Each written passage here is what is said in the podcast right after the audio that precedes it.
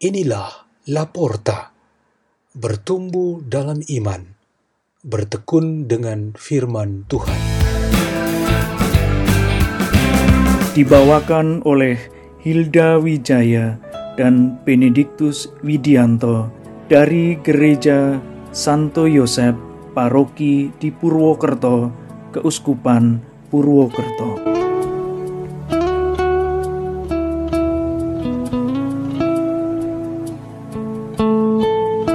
Bacaan dan renungan Sabda Tuhan hari Kamis dalam Oktav Paskah 8 April 2021.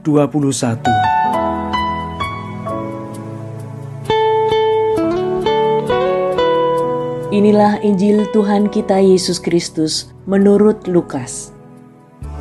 Dua murid yang dalam perjalanan ke Emmaus ditemui oleh Yesus yang bangkit segera kembali ke Yerusalem mereka menceritakan kepada saudara-saudara apa yang terjadi di tengah jalan dan bagaimana mereka mengenal Yesus pada waktu ia memecah-mecahkan roti. Sementara mereka bercakap-cakap tentang hal-hal itu, Yesus tiba-tiba berdiri di tengah-tengah mereka dan berkata, "Damai sejahtera bagi kamu." Mereka terkejut dan takut karena menyangka bahwa mereka melihat hantu. Akan tetapi ia berkata kepada mereka, "Mengapa kamu terkejut, dan apa sebabnya timbul keraguan-raguan di dalam hatimu?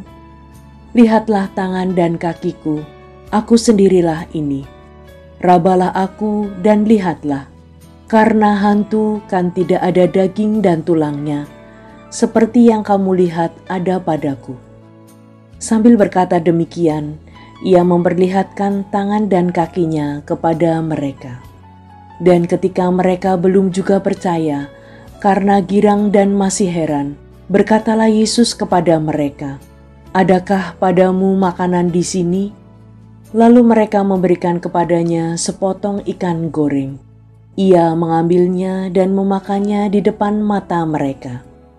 Yesus berkata kepada mereka, Inilah perkataan yang telah kukatakan kepadamu ketika aku masih bersama-sama kamu, yakni bahwa harus dikenapi semua yang ada tertulis tentang aku dalam kitab Taurat Musa, kitab nabi-nabi, dan kitab Mazmur. Lalu Yesus membuka pikiran mereka sehingga mereka mengerti kitab suci. Katanya kepada mereka, "Ada tertulis demikian: Mesias harus menderita dan bangkit dari antara orang mati pada hari yang ketiga. Dan lagi, dalam namanya, berita tentang pertobatan dan pengampunan dosa harus disampaikan kepada segala bangsa, mulai dari Yerusalem. Kamu adalah saksi dari semuanya ini. Demikianlah Injil Tuhan.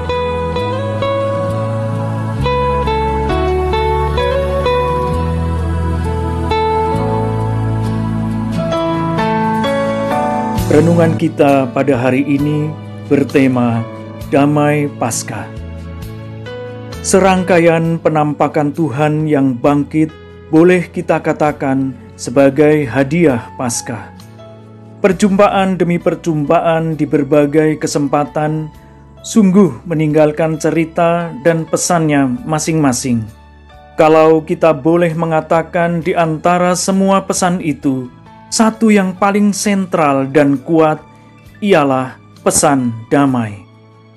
Saat kesebelas rasul berkumpul untuk berbagi cerita masing-masing tentang perjumpaan mereka dengan Kristus yang bangkit, lalu menyusul kedua murid yang baru kembali dari Emmaus, satu komunitas pengikut Kristus terbentuk. Komunitas itu berisi suasana penuh campur antara cerita, percaya, bingung, bertanya, dan tentu saja kagum. Di dalam konteks persekutuan itu, Yesus sekali lagi tampak di tengah-tengah mereka dengan menyampaikan hadiah damai sejahtera bagi kamu. Pesan damai itu menjadi poin utama dalam khotbah Petrus di tengah orang banyak setelah mujizat penyembuhan seorang lumpuh yang ia lakukan. Mujizat itu berbuah pada suasana bercampur antara kagum, heran, curiga, kurang percaya, dan rasa percaya. Maka Petrus menyerukan kebenaran dari Tuhan yang bangkit sebagai jalan untuk mendamaikan suasana yang bercampur itu. Hasilnya ialah banyak orang meyakini dan percaya kepada Kristus. Pesan damai dari Yesus Kristus yang bangkit kepada para rasul yang tengah bingung, takut, curiga, dan kurang percaya, bertujuan untuk membuat mereka menjadi percaya. Damai mampu menghilangkan semua perasaan dan pikiran negatif. Damai menghasilkan suasana batin yang tenang, nyaman, dan positif, supaya pada akhirnya orang dapat memutuskan sikap yang benar dalam bertindak.